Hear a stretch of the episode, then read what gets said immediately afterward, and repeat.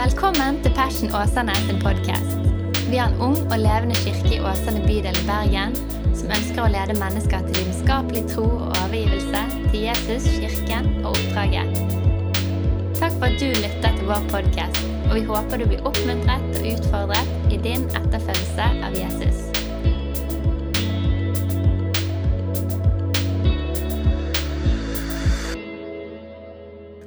Dag skal vi fortsette serien 'Et liv i frihet'. og Jeg eh, har gledet meg til å kunne få lov til å snakke om dette. Delte litt innledningsvis forrige gang om at eh, dette er et budskap som ligger mitt hjerte nært. eh, Og som jeg òg tror ligger veldig mange av våre sine liv nært på. Om man tenker over det eller ikke. Og Vi kalte denne serien her 'Et liv i frihet'. Et liv i frihet. Og Hvis du er litt sånn som meg når du hører ordet frihet, så vekker det både lengsler etter det som kan bli i livet. Kanskje på et område av sin personlighet, kanskje på et område av noen vaner, i noen relasjoner, i omstendigheter. At det vekker en, en lengsel. Men så tror jeg òg at dette ordet her kan vekke sorg. Da. Sorg over det som ikke er. Det som ikke ble som man kunne ønske osv. Det tror jeg vi alle kan kjenne oss igjen i. Ordet frihet bærer med seg mange assosiasjoner, mye følelser. Og Så kan noen innvende og si at ja, men Daniel, og vi tok det opp enda mer forrige gang, men kristen tro og lære det er nå i hvert fall ikke med å skape større frihet i menneskers liv. Tvert imot er det med å tynge folk. Og Det er jo en innvending som mange har hatt. Og så tror jeg også at vi som kristne må erkjenne av og til at en del ting som har båret navnet kristent, gjerne har vært med å trykke folk ned og ikke løfte dem opp, sånn som jeg tror faktisk evangeliet og bibelfortellingen faktisk tenker og ønsker å gjøre med oss mennesker. Og Utgangspunktet for denne serien er noen fantastiske vers. Jesus kommer i begynnelsen av Lukasevangeliet. Og så er det noe av det første, liksom hans mission statement. Sant? og Hvis du er litt i organisasjonsbransje, og sånt, så vet du at alle organisasjoner drar liksom bort eh, regelmessig for å liksom formulere sin misjonssetning. Da. Så drar de på kurs og drikker Farris, og så uh, får de litt sånn oppskåret frukt, og så betaler de masse penger, og så skriver de et dokument, og så ligger det i en skuff. Men Jesus gjorde mer enn det.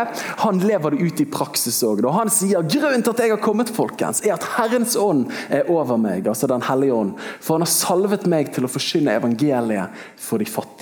Han har sendt meg for å helbrede de som har et søndagknust hjerte, og for å rope ut frihet for fanger. Frihet for fanger. Og for at blinde skal få syn igjen, og for å sette undertrykte i frihet. Og for å rope ut at nådens år fra Herren.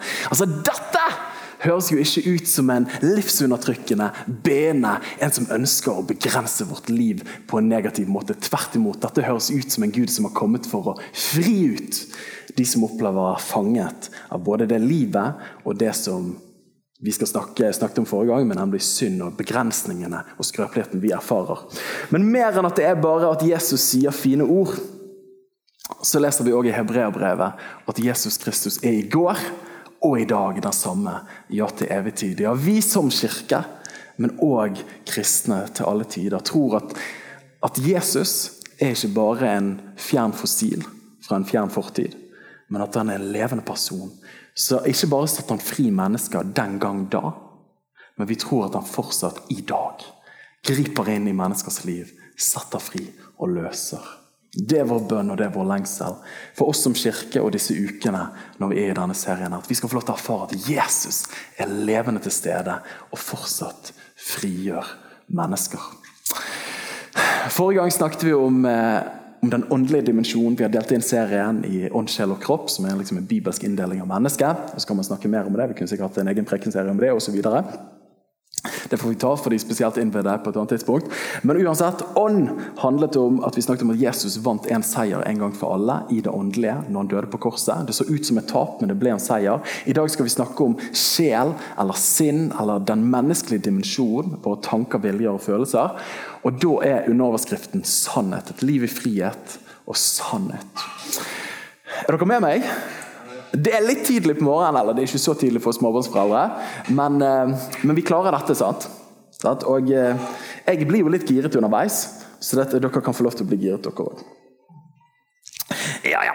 Du, La oss ta og be en bønn sammen. Herre, vi takker deg for disse fantastiske øyeblikkene, Gud. Jesus, du ser denne serien som vi er i nå, Gud. Herre, et liv i frihet. Og Herre, du vet hva det vekker av lengsler og sorger i livene våre når vi tenker på disse tingene her, far. Og Jesus, Vår frimodige bønn her er at i løpet av disse ukene og i løpet av i dag, at du skal få lov til å la ditt lys skinne på våre hjerter og våre tanker. Sånn at vi kan få lov til å erfare at du fortsatt er den som roper ut frihet for fanger. I Jesu navn. Amen. Amen. Du, nå skal vi snakke enda mer konkret enn det vi gjorde forrige uke. Jeg er jo en litt sånn metaperspektiv-type, så jeg syns det er gøy med abstraksjoner og modeller og tanker. og sånt, Mens noen folk kommer etterpå og bare sier jeg fikk ikke med meg noe av det du sa. liksom. Hva betyr det for livet mitt? Og det er forhåpentligvis i løpet av, eh, av denne talen så klarer vi å lodde litt mer inn der. Men jeg delte forrige gang at en av mine store reiser i mitt liv har vært med dette ordet som heter frykt. På ulike måter, og jeg vet ikke helt hvorfor. Men det har vært sterke følelser og skumle tanker som meldte seg fra ung alder i ulike situasjoner. Eh, og denne min reise mot en større frihet og helhet, eller fullkommenhet, på en måte, eh, i mitt liv har på ingen måte vært linær. Altså I den forstand at liksom bare rett bortover. Og Det tror jeg hadde stått med ned med de fleste av dere. Så er livet ofte litt sånn fram og tilbake. To skritt fram, ett skritt tilbake. Og Noen ganger oppleves det som ett skritt fram og så tre skritt tilbake. Men av og til så har jeg funnet trøst i en sang. Det er akkurat som Mitt hjertesukk har blitt uttrykt i en fyr som heter John Mark McMillan. Han har skrevet en sang som heter 'Closer' for en del år siden. Og Teksten i versene er sånn som dette her. Hør på det her, vet du. Han synger veldig fint, og så i et punkt i sangen her så vrenger stemmen seg. For da roper han akkurat som i desperasjon til Gud. Og jeg tror at Av og til så kan vi finne vårt vårt gjensvar i sånne sanger. Come closer, come closer to me. Find me broken, find me bleeding. Because I need more than a fairy. A God who lives in a book. I need someone real. Kanskje vi kjenner oss igjen i det. Gud, jeg trenger ikke bare en fjern idé om deg, men jeg trenger at du er flippings real i livet mitt og griper inn. Come closer, closer to me. Find me broken, find me on my knees. Because I need more now than philosophy. Mer enn bare tanker og, og fjerne anskuelser som skal gi noen perspektiv på livet. Some God in outer space doesn't mean anything to me. Det er jo en, en litt sånn brutalt rå tekst og Av og til kan jo man tenke bør man snakke om slik i kirken. Ja, det bør man i aller høyeste grad. For møter det livene våre, så tror jeg det tåler å møte bibelteksten. Jesus møter ikke der vi burde være, men han møter oss der vi faktisk er. Da. Så det, da kan jo, Jeg har stilt meg dette spørsmålet. Én ting er jo at liksom objektivt i himmelen så har Jesus vunnet seier. En seier i himmelen. Men hvis det ikke blir sannhet i min hverdag, hva er da verdien av det? Og Spørsmålet som vi stiller i dag er hvordan blir Jesu seier virkelig til en erfaring av frihet i våre liv? Har du lurt på det før? Jeg har i hvert fall lurt på det. Jeg leser om det i boken, jeg hører sangene, jeg hører prekene, men jeg føler ikke det i livet mitt. Liksom, Vær alltid glad. Jeg er ikke alltid glad. Vær ikke bekymret, sa Helene sa. Jeg kjenner på bekymring. Han bar alle mine sykdommer. Jeg føler meg fortsatt ganske syk. Jeg mangler en fot. Sant? Er du med? Vi kjenner spennet mellom det vi vet objektivt er sant, men det trenger å bli en subjektiv realitet i livet vårt. Og I dag snakker vi om det som omhandler frihet i livene våre. Frihet i livene våre. Og Forrige gang så løftet vi opp, og det var jo litt sånn, jeg var litt spent. Jeg tok litt sats før forrige gang, men da snakket vi om, eh, om de tre fiendene til vår sjel, som den kristne tradisjon kaller 'the enemy of the soul', som er, som er djevel, som er skjødet og som er verden. da. Eh, og Det var jo litt spennende, for vi snakker ikke altfor ofte om djevel. Men, men roten til vårt fangenskap som vi løftet opp, sier Bibelen ikke liksom først og fremst er fotballtreneren som overså deg, eller den fraværende forelderen, selv om det er viktig, men at den dypeste grunnen er det ordet som Bibelen kaller for synd. Som er ufullkommenhet, eller det som går mot Guds vilje. Sant? Og så gjorde jeg tankeøvelsen, men hvor kom inn første opplevelsen av synd? Som vi leser om, møter vi i Første Mosebok. Men hvordan traff den oss mennesker? Jo, Den traff oss ved at slangen, da et bilde på djevel, kom til menneskene og så sa han, Har Gud virkelig sagt? Har du tenkt på det før? At synd kom inn gjennom løgn. ved at han stilte spørsmål til det Gud hadde talt. Har Gud virkelig sagt? Og Vi nevnte det forrige gang, men dette passer veldig godt overens med det Jesus For Jesus er jo ikke redd for å snakke om djevel, sånn som vi av og til er i 2021. Men han sier, når han beskriver djevel i Johannes 8,44, at djevel var en morder fra begynnelsen og står ikke i sannheten. For det er ingen sannhet i ham. Når han taler løgn, taler han ut fra sitt eget. For han er en løgner og løgns far. Hva er det han sier? Jo, Jesus sier, Når han skal beskrive djevel, så sier han ikke at djevel er superskummel. Han har klør, han har horn, han har gaffel, og han kommer til å ta deg når du sover. og gir deg mareritt, liksom. For Av og til er vårt inntrykk av djevel er jo mer informert fra Hollywood. Og så tenker vi at liksom, dette, altså, han er ute etter å ta meg. Nei, Djevel er ikke ute etter først og fremst å ta oss fysisk. Jesus sier at måten djevel angriper livene våre på, er primært gjennom å fortelle oss løgner. Har Gud virkelig sagt? Jesus beskriver han videre i Johannes 10,10. 10, så sier han at tyven, altså djevel, har ikke kommet for noen annen grunn enn for å stjele, myrde og ødelegge. Altså stjele vårt liv, drepe vårt liv og ødelegge vårt liv. Så måten vi erfarer fangenskap i livene våre, tror jeg hovedsakelig er at løgner binder oss og holder oss tilbake. I kontrast da, så sier Jesus at 'jeg har kommet for å gi dere liv, og det gir overflod'. Men hvordan blir da dette livet formidlet til oss? Jo, Jesus sier i Johannes 8,32, som vi får opp på skjermen her. Og dette er jo et bibelvers, så Hvis du har eh, en tanke om at du har lyst til å tatovere deg en gang, så mener jeg at dette verset kvalifiserer ganske høyt for å bli tatovert på kroppen. Eh, dette er jo et fantastisk vers som er så mye livsvisdom å adressere til våre liv i alle faser av livet. Jesus sier dere skal kjenne sannheten. Kan du si sannhet en gang? Det har dere med. Dere skal kjenne sannheten, og sannheten skal sette dere fri. Dere skal kjenne sannheten, og sannheten skal sette dere fri. Er dere med meg her? Kontrasten mellom løgn. Jesus sier at djevel han kommer for å slå i hjel og ødelegge livet vårt. Stjele alt som er godt. Og Måten han gjør det på Jo, han er løgns far. Han forteller løgner. Jesus sier jeg har kommet for å gi dere liv, og det er så overabundant. liksom. Make your life great again. Og så sier han måten jeg gjør det på, er ved at dere skal kjenne sannheten. For sannheten frigjør dere. For en periode, det er mange år siden, så var det akkurat som disse tankene her virkelig demret for meg. Jeg hadde lest disse versene her, men det var akkurat som jeg så puslespillbrikkene begynte å falle på plass. Og, og Da var jeg på et sted der jeg opplevde å kjempe med disse sterke følelsene av uro og frykt. Og Hvis du har vært borti det, så vet du at det er lite barmhjertig iblant. Og Da kom denne ligningen til meg, som jeg har kalt livets ligning. Og Det første her er jo da løgn. Vantro. Du vet Bibelen snakker om vantro mye. sant? Men egentlig et bedre ord på vantro er jo egentlig vrangtro. For at vantro er ikke fravær av tro. Vantro er bare at man tror på feil ting. Tok dere det? Så det er en vrangtro som leder til fangenskap. Men kontrasten da er jo da at sannhet vekker tro som leder til frihet. At sannhet vekker tro som leder til frihet. Er du med meg? Hvis vi tar og gjør det litt konkret, da. Eksempel, hvis du får en tanke som sier at ingen har lyst til å være vennen min. Og Så begynner man, får man inn den tanken som jeg vil si er en løgn. Så begynner man å tro på den. Da plasserer man sin tro på den løgnen. Hva gjør det da? Jo, man erfarer fangenskap i den forstand eller ufrihet at man blir ikke like frampå i sosiale sammenhenger. sant? Mest sannsynlig så vil man trekke seg litt tilbake og være litt sånn nølende og avventende, for jeg vet ikke om folk har lyst til å være vennen min. Eller hvis du i motsatt retning, og av og til så så i hvert fall med mine barn så kan jeg tenke det, De tror den tanken at alle har lyst til å høre fra meg hele tiden! Sånn, og så får de inn den tanken i hodet sitt, og den tror de på med hele sin vekt.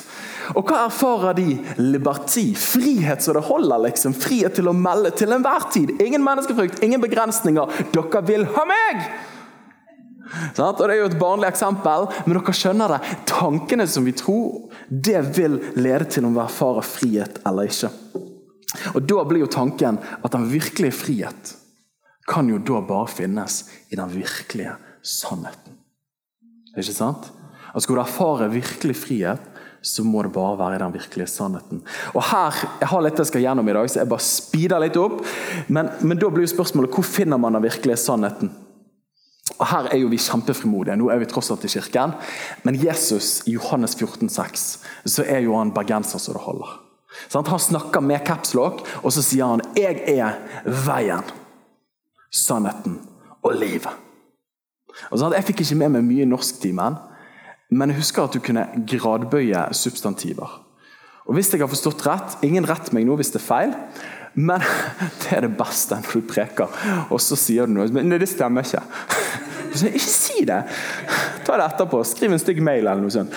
Men, men Jesus snakker i bestemt form entall. Han sier 'jeg er vei én', 'jeg er sannhet én', og 'jeg er liv ett'.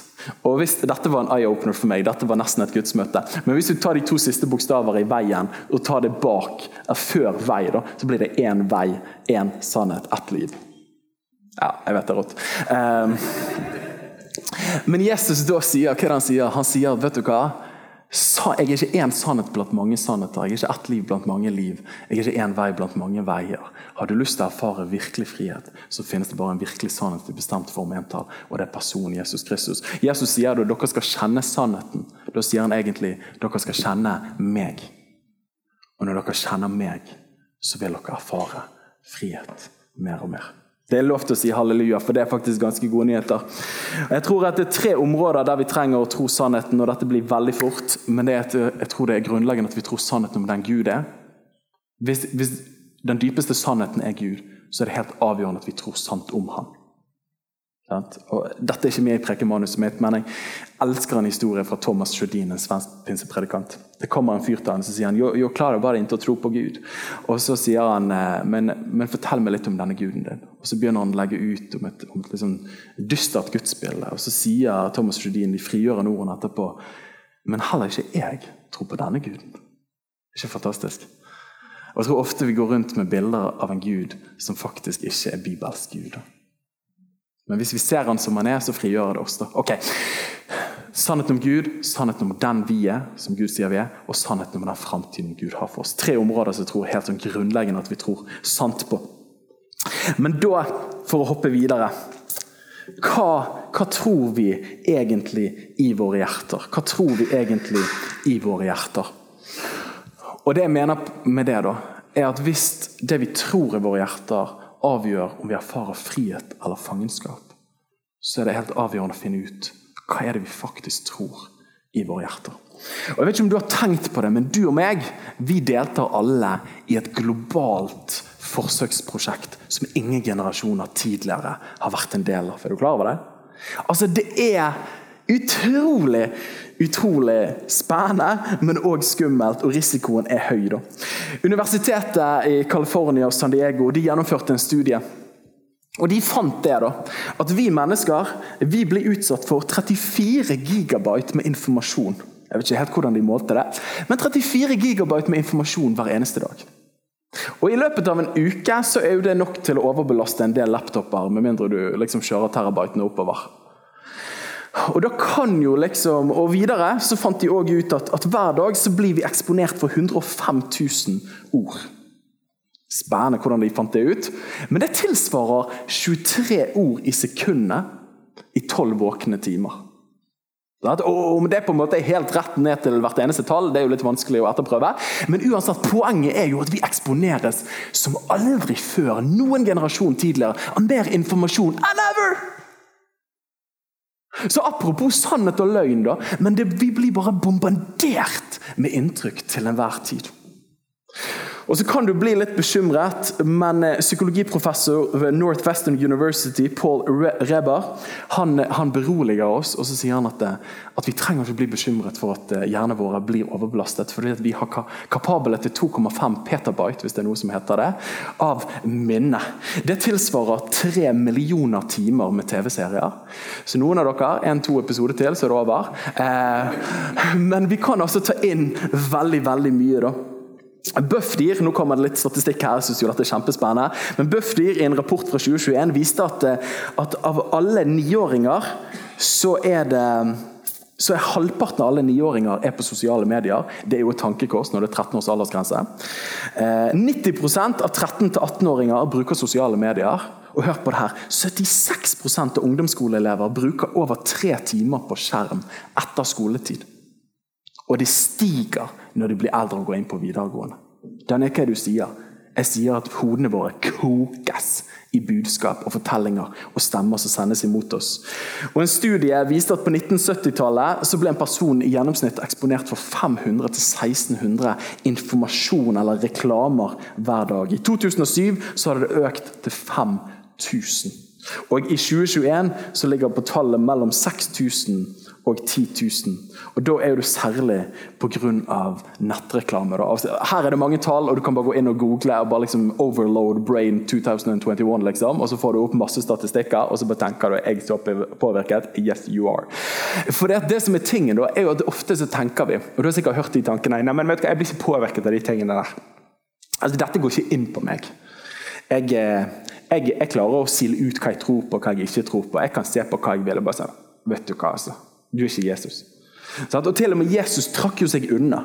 Han trakk seg unna, han trengte liksom å nullstille og få downtown. downtime. For dette er så mye inntrykk vi blir eksponert for. Og så tenker vi så tenker vi ofte, og her har jeg tatt meg selv i det, vi tenker at budskapene vi hører, er helt bare så nøytrale. Med mindre det er liksom en sånn reklame for satanisme eller et eller annet bare helt Ex on the beach og hei hvor det går, liksom. Så er det bare helt nøytralt. Er dere med meg? Og jeg kjenner det som forelder. Du skrur på liksom en barnefilm til ungen og tenker så lenge det er liksom Disney som har eh, liksom produsert det her, så er jo det her liksom bare helt neutral. Bare sånn, Nei, det er ikke det. Langt derifra. Alt vi utsettes for, har en verdibase. Enten så er det noe som er mer sant, eller så er det mer usant. Og Tenk på alle de reklamene. sant? Og nå, nå er det litt sårt for meg med L'Oreal Paris-reklamen. Idet kvinnen bare slenger rundt håret sitt, og så kommer liksom de ordene på 'because you're worth it' så sender jo det et budskap. Så jeg kan ikke gjøre det, så jeg, jeg lukker inn når de reklamene kommer nå. Eh, men det sender jo et budskap og sier at har du lyst til å ha et fint hår, så er det sånn som dette det ser ut. sant? Og nå, nå, tipper jeg at Hører du de fortellingene lenge nok, og du alltid har krøllete hår, og det er alltid en med stritt hår, nå ble det et veldig banalt eksempel, men så sender det òg et budskap som sier at vet du hva, det er jo sånn håret burde hatt. på en måte. Sant? Og nå er det ikke alltid det går hjem sånn for alle, men dere skjønner poenget mitt. sant? Det formidles budskap gjennom alt det vi eksponeres for. og Derfor trenger vi å være våken. Og Vi kan da tenke sånn som jeg sier, jeg blir ikke påvirket av dette. Det går ikke inn på meg i det hele tatt. Jeg elsker en historie som jeg hørte for en del år tilbake. Og Det er sikkert en, en, tenkt historie. Det er litt kult hvis den er sann. Men det var noen som møtte en fyr som bodde langs en motorvei da, i et boligfelt der. Og Så hadde de lyst til å spørre han, så kom de bort og sa de, blir du, blir du påvirket av å bo så nær motorveien. Og så sa han nei. Så Han mente jo oppriktig jeg er jo ikke påvirket av dette. Men han var jo dypt påvirket uten å være klar over det! Og det tror jeg er tilfellet for oss alle. da. Jeg husker når jeg så på actionfilmer da jeg var liten. Det var jo sånn Mamma hadde sagt og pappa at det bør du ikke gjøre. Utenom når pappa snek seg med, og så er de med meg. Nei, bare tuller. Eh, men, men, det bør jo man ikke gjøre. Og så husker jeg, Det var ikke alltid mamma kom inn og skrudde av TV-en. Den JVC-TV-en på 21 tommer som jeg hadde klassefest med i, 6, i 9. klasse. Helt utrolig at vi klarte det. Men uansett, vi hadde den TV-en der, og så ser jeg på det, og så kommer mamma inn og ser at jeg ser på et eller annet Rambo First Blood eller noe sånt. Ikke bra å se på noe sånt. Eh, og så vet jeg at dette er ikke helt bra, og så istedenfor å skru av, så sier hun Daniel, du må huske på ordspråkene 423. Bevar ditt hjerte fremfor alt du bevarer, for livet går ut ifra det. Og, det, er jo, altså, det er jo psykologisk terror. Eh, det man ble utsatt for da. Men det er jo bare å, å si Daniel, du kommer til å bli ødelagt pga. det du ser nå. Sånn, det var i hvert fall som jeg fortolket det. Veldig effektivt! Og jeg har tenkt å ta det med meg videre til mine barn. Men, eh, men ordspråkene sier 'bevar ditt hjerte framfor alt du bevarer'. Eller 'pass på ditt hjerte framfor alt du passer på'. For livet går ut ifra det. Åh. Åh, dette her mm. Dette å, jeg kjenner, ja, Nå ble det mye å her, men jeg, dette har jeg så utrolig, utrolig tro på. At det, vårt fokus, vil forme livet vårt. At det vi utsetter oss for, det vil ende opp med å utforme vårt liv. Bor vi nær denne motorveien, så vil det prege oss om vi vil det eller ikke. For vi alle sammen tror på noe. Og det vi tror på, det tar vi imot i livene våre. Vi får ofte det vi forventer, så vi tror på noe. Og jeg, jeg er faktisk så kjip, men jeg, jeg, tror egentlig ikke at vi kan avgjøre i veldig stor grad hva vi tror på. Men jeg tror det vi kan bestemme over, er hva vi utsetter oss for. Er dere med meg på den? Så Hvis du da ser veldig konkret masse såpeopera hele dagen lang, og så sier du jeg vet at dette ikke er sant, jeg vet at dette ikke er bra, jeg vet at det ikke er sånn jeg lærte om på søndagsskolen, så jeg har ikke lyst til å leve sånn. Men hvis du ser det lenge nok, så påvirker det holdninger og tanker og budskap som går inn i livene våre. Derfor tror jeg at egentlig har ikke vi veldig stor kraft over hva vi tror, men vi har kraft over hva vi utsetter oss for. Paulus sier jo det samme i Romerne 10,17, sier han at troen kommer ved forkynnelsen. Hva han sier? Jo, det vi tror i våre hjerter, kommer av det vi eksponerer oss for. Det vi blir utsatt for. Og Derfor er jo Paulus veldig tydelig når han sier i Romerbrevet, i det 12. kapittelet. Så sier han til de kristne, og han sier til oss spot on i dag, kanskje mer enn noen gang pga. overstimuleringen av ting vi blir fylt på med. Han sier 'bli ikke dannet lik denne verden her', men bli forvandlet ved fornyelsen av deres sinn. Åh, hvis du er litt sånn bevandret i kristen sammenheng, så kjenner du at hårene på ryggen reiser seg, og du blir salig, for dette er et fantastisk vers.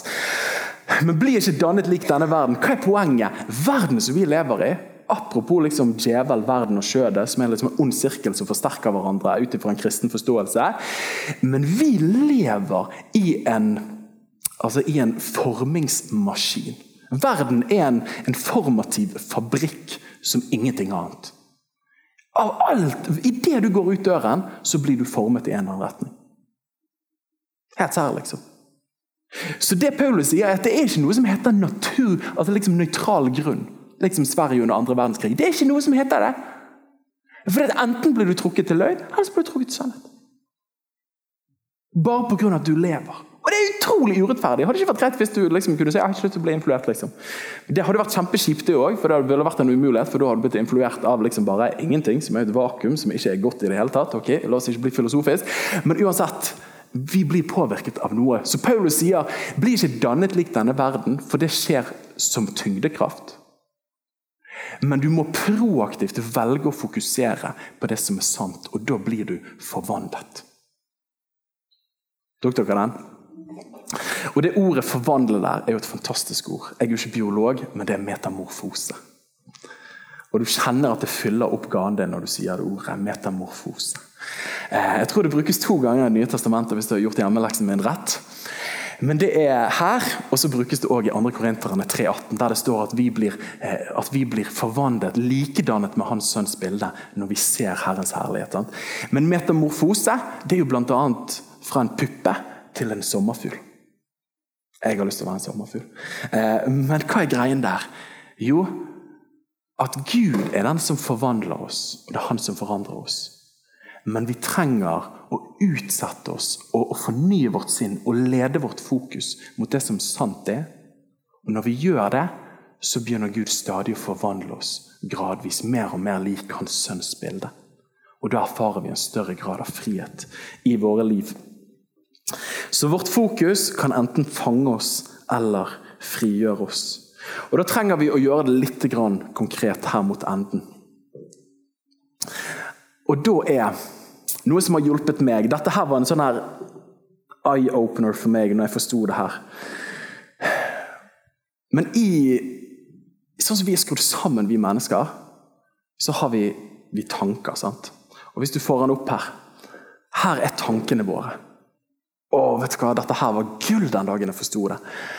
Tankene våre, vi tenker, preger neste lag av vår menneskelighet, som er emosjonene og følelsene våre. Som igjen preger handlingene våre. Og Etter hvert som jeg leste noen psykologibøker og snakket med vise mennesker, så forstår jeg at dette her er jo faktisk sånn livene våre i stor grad er skrudd sammen. Dette er jo sånn man burde lært på skolen, egentlig. Jeg er kjempesint! Hvorfor er du sint? Jeg vet ikke. Jeg har lyst til å slå noe. Hva tanke tenkte du først?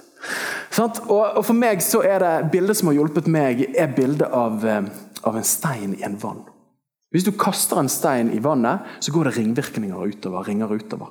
Og så kan du for si ja, men jeg liker ikke disse ringene her. liksom. Jeg har lyst til å fjerne disse ringene her.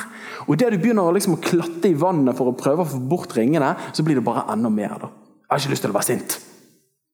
Bare liksom prøv det. Jeg har ikke lyst til å være sint. Da blir du enda mer sint. Jeg har ikke lyst til å tenke på en rosa elefant. Da blir enda mer rosa elefant. Men hva er poenget her? Jo, skal du endre ringvirkningene, så må du begynne med det som startet det. Som er trosforestillingene, nemlig tankene vi tenker i vårt indre. Veldig konkret det her. Og jeg tror igjen at tankene som vi har, er igjen en frukt av det vi har utsatt oss for. Så du blir eksponert for noe, du ser noe, en løgn som jeg tror kan komme til oss gjennom disse tre sjels fiender, som enten er at, at, at djevel formidler en tanke til oss som er løgn. Det skaper emosjoner i oss og får oss til å agere på måter som ikke er bra verden rundt oss har en egen evne til å plante tanker i oss, så tror jeg òg det Bibelen kaller skjød. Våre forvridde eller vrengte lidenskaper. Og kan formidle ting til oss. Da. Så når da Paulus sier vi blir forvandlet ved fornyelsen av deres sinn, så er jo han spot on. Og han sa et par tusen år i forveien det kognitiv terapi sier i dag.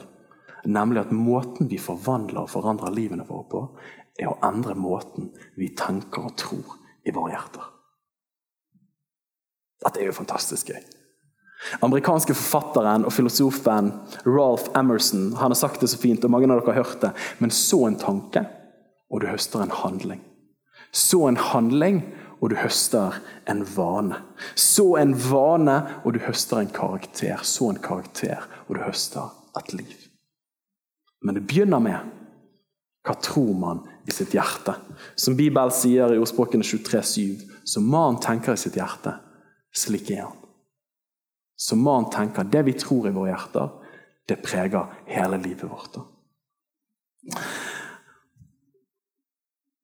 Og her tror jeg vi kunne nevnt mange fortellinger. Jeg tror vi, Når jeg snakker nå, så håper jeg òg at Den hellige ånd taler til hjertene våre og sier vet du hva, her er det noen tanker som man tenker og tror og lever etter, som ikke leder til frihet og det gode livet. Da kom over et sitat for en tid tilbake av eh, en gresk dramatiker i antikken som het Sofokles. Han sa at 'what people believe will prevail over the truth'. Det vi tror i hjertene våre, vil ha mer makt i livene våre enn det som faktisk er sant. Og det er utrolig vondt å se i mennesker rundt en men òg erfare på områder av eget liv. En relasjon som jeg eh, har vært nær på i hele mitt liv, eh, er jo en person som aldri, aldri har lyst til å Med en gang vi skulle synge, eller noe sånt, så er det bare helt igjen. sant?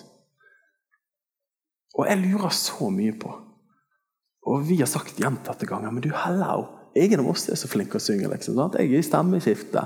Hallo, Vi alle kan ha et kaos her sammen. Og så er det bare Nei, dette kan jeg ikke gjøre. Og så tenker jeg ok, hva er det du har fått høre en gang som gjør, har begrenset Og dette er jo bare en liten, banal del av livet, men som har begrenset hele ditt liv. Hva tror vi i våre hjerter avgjør hvordan vi lever. Og Paulus, for å gå inn mot slutt her snart, men Paulus han sier i 2. Korinterne 10,5 så sier han ta hver tanke til fange under lydighet mot Kristus.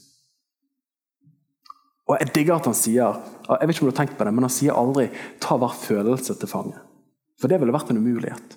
Eller 'ta hver atferd til fange'. Nei, nei, Han går til roten. Ta hver tanke til fange. Enhver tanke Husker du hvem som er sannheten? Det er Jesus. Kristus er jo et finere ord for han. Men enhver tanke som ikke er samsvar mot det som er sannheten, altså Kristus, ta den til fange. Bli bevisst han, grip han, fang han. Og så konfrontere han og bytte han ut med det som er sant. Og på videregående eh, så erfarte jeg disse tingene her. Det var en brytningstid for meg på videregående, som det er for mange mennesker. Men da jeg husker jeg hadde mange mange løgntanker i mitt hjerte. Og da fikk jeg på en måte en modell for disse tingene her som jeg har brukt i mitt liv senere. Og Det er tre enkle ord som jeg har lyst til å gi videre til dere oss som menighet. Men det første er erkjenne. Første del, hvis du har lyst til, og du merker at jeg henger fast i fangenskap på et område. Det første del er å erkjenne det. Komme til det punktet og si vet du hva, her henger jeg fast. Her er det noe som holder meg tilbake. Her er det noen løgner som preger meg. Og fornektelse det er en frukt av frykt. Men erkjennelse det er en forutsetning for frihet. Så Det første er å erkjenne det. For Skal du få et bedre ekteskap for ekteskapsproblemer, så er det et godt tips å, å, kunne komme til terapeuten og si at vi har problemer først. Sant? Og Det er jo av og til kvinnen kommer og sier at vi har store problemer, og han sier vi har det sykt bra. Sant? For man bare ikke erkjenner det. Veldig vanskelig materiale å jobbe videre med. Eh, men Det første punktet i livet vårt er å erkjenne. Og Det kan være vondt og det kan være vanskelig, men erkjennelse. Og så kommer det andre omvendelse. Jeg erkjenner at dette er en løgn som jeg tror i hjertet mitt.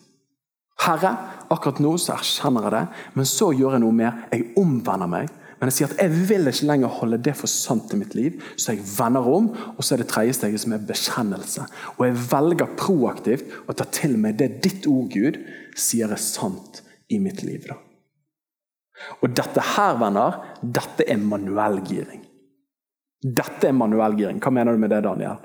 Jo, eh, sånne hjerneforskere sier at vi har så nevroplastisk hjerne så måten vi tenker på, skaper tankebaner oppi hodet vårt. Så hvis du tenker på en lik måte alltid, så for Når vi skal dra på hyttetur, så tenker jeg alltid man liksom, hvorfor går det så tregt. Det er pga. hun gjør alt, og jeg bare tar fram bilen. Eh, men det kan jo mange relatere til. Men da er det en tankebane der. Og Den tankebanen den ber vi å faste om at Herren skal bryte løs eh, meg fra. Men, men, da må jeg da begynne å tenke andre tanker. Da må jeg gire manuelt. Sant? Når den tanken den kommer på automatikk. Hvorfor går det så tregt, Helene? Hvorfor går det så tregt, liksom? Og Da må jeg si stopp, Daniel. Nå erkjenner jeg at her er det en tanke som ikke leder til et veldig godt samliv og en biltur til hytten. Jeg vil ikke ha det på denne måten her. Da må jeg stoppe opp og si ok, dette er automatgir, denne kjører sjøl, hodet mitt kan denne løpebanen motorveien i hjernen min. ok, Nå må jeg gire manuelt. Jeg erkjenner at den er der. Jeg vender om fra den tanken å være kritisk til min kone pga. hun faktisk fikser alt. Jeg må bare åpne mine øyne, Herre. Og så vender jeg om og så bekjenner jeg, og så velger jeg å tenke en annen tanke. Herre, tusen takk for at vi er et godt lag. Et veldig banalt eksempel. Sånn er det når du er en improfesjonal. Men da velger jeg å ta til meg og si at vet du hva, vi er et godt lag. Hva som skjer der? Jeg girer manuelt, men girer du manuelt lenge nok, så blir det automatgir. Tok dere den? Og tingene i våre liv, nok en gang i nøytral grunn, du kan ikke bare si 'jeg skal slutte å tenke en tanke'. Du må alltid erstatte en tanke med en annen tanke.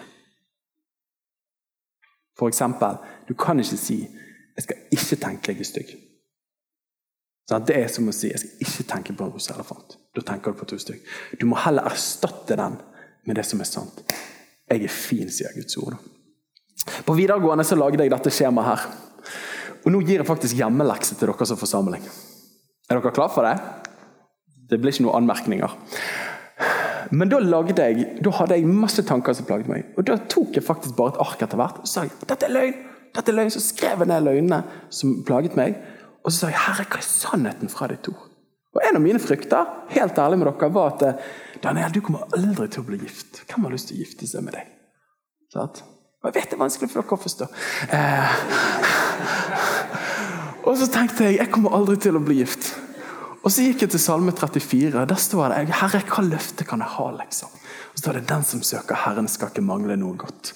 Så tenkte jeg, Amen. Det å være gift det er nok noe godt. stort sett. Så skrev jeg det ned, og så hengte jeg det opp over veggen på rommet mitt.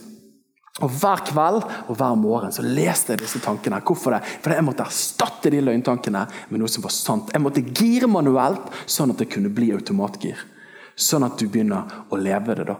Og Jeg har, og har sagt det sånn som dette her, at et liv i frihet er frukten av et sinn fornyet i sannhet. Et liv i frihet er frukten av et sinn fornyet i sannhet. Tankene du tenker, det du tror i ditt hjerte, det vil avgjøre hvordan livene våre blir. da.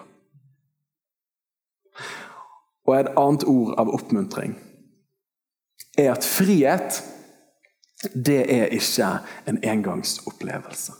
Hvis du har vært som meg, du har hatt et sterkt møte, du har fått et profetisk ord, du bare kjenner jeg og Gud, vi har bare det breakthroughet, og så plutselig faller du tilbake igjen.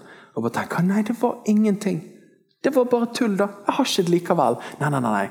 Oppmuntring. Frihet er ikke en engangsopplevelse, men det er en måte å leve på. Ved at vi hver dag vender vårt blikk mot Jesus, som er per deff sannheten som frigjør. Og er dere med meg? Siste bilde.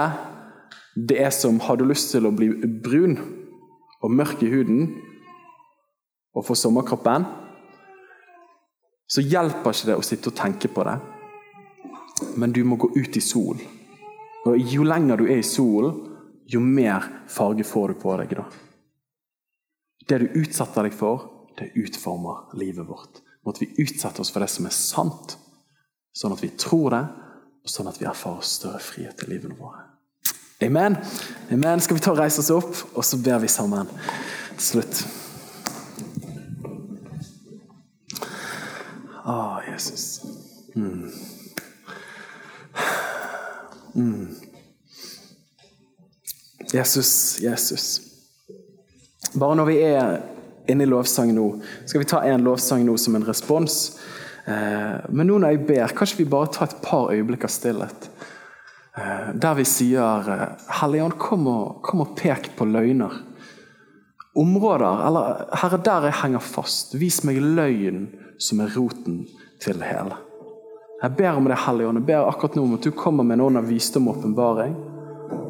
Som viser oss noe av rotsystemet bak de onde fruktene vi erfarer i livene våre for. Mm. Ja, Jesus. Mm.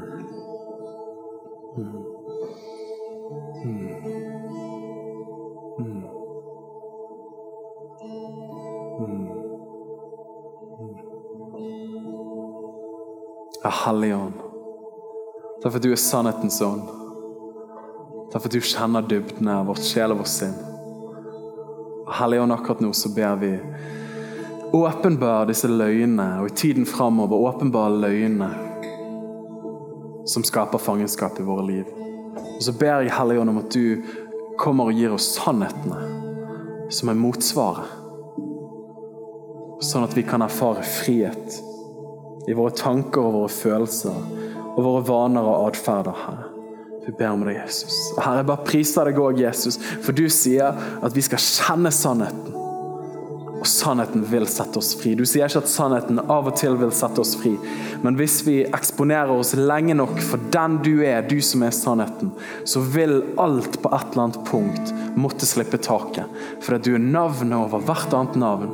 Herre, din makt er større enn enhver annen makt, Herre. Herre, og din kraft er større enn enhver traume, ethvert fangenskap, hvert bånd som har holdt tilbake. Om så det løper i familier, om det er noe som man er eksponert for i genetikk. Herre, takk for at ditt ord er større. Takk for at det er sterkere. Og takk for at du leder oss, Herre, til frihet. I Jesu navn, Herre, i Jesu Kristi navn. Amen. Amen. Takk for at du lyttet til vår podkast. Hvis du synes den var bra, så del den gjerne med noen flere. Vil du vite mer om hvem vi er, hva som skjer, og kanskje besøke en av våre gudstjenester, se vår nye hjemmeside på fashionåsane.no, eller følg oss på sosiale medier. Helt til slutt, ta imot Herrens velsignelse. Herren velsigne deg og bevare deg. Herren la sitt ansikt lyse over deg og være deg nådig. Herren løfter sitt åsyn på deg og gir deg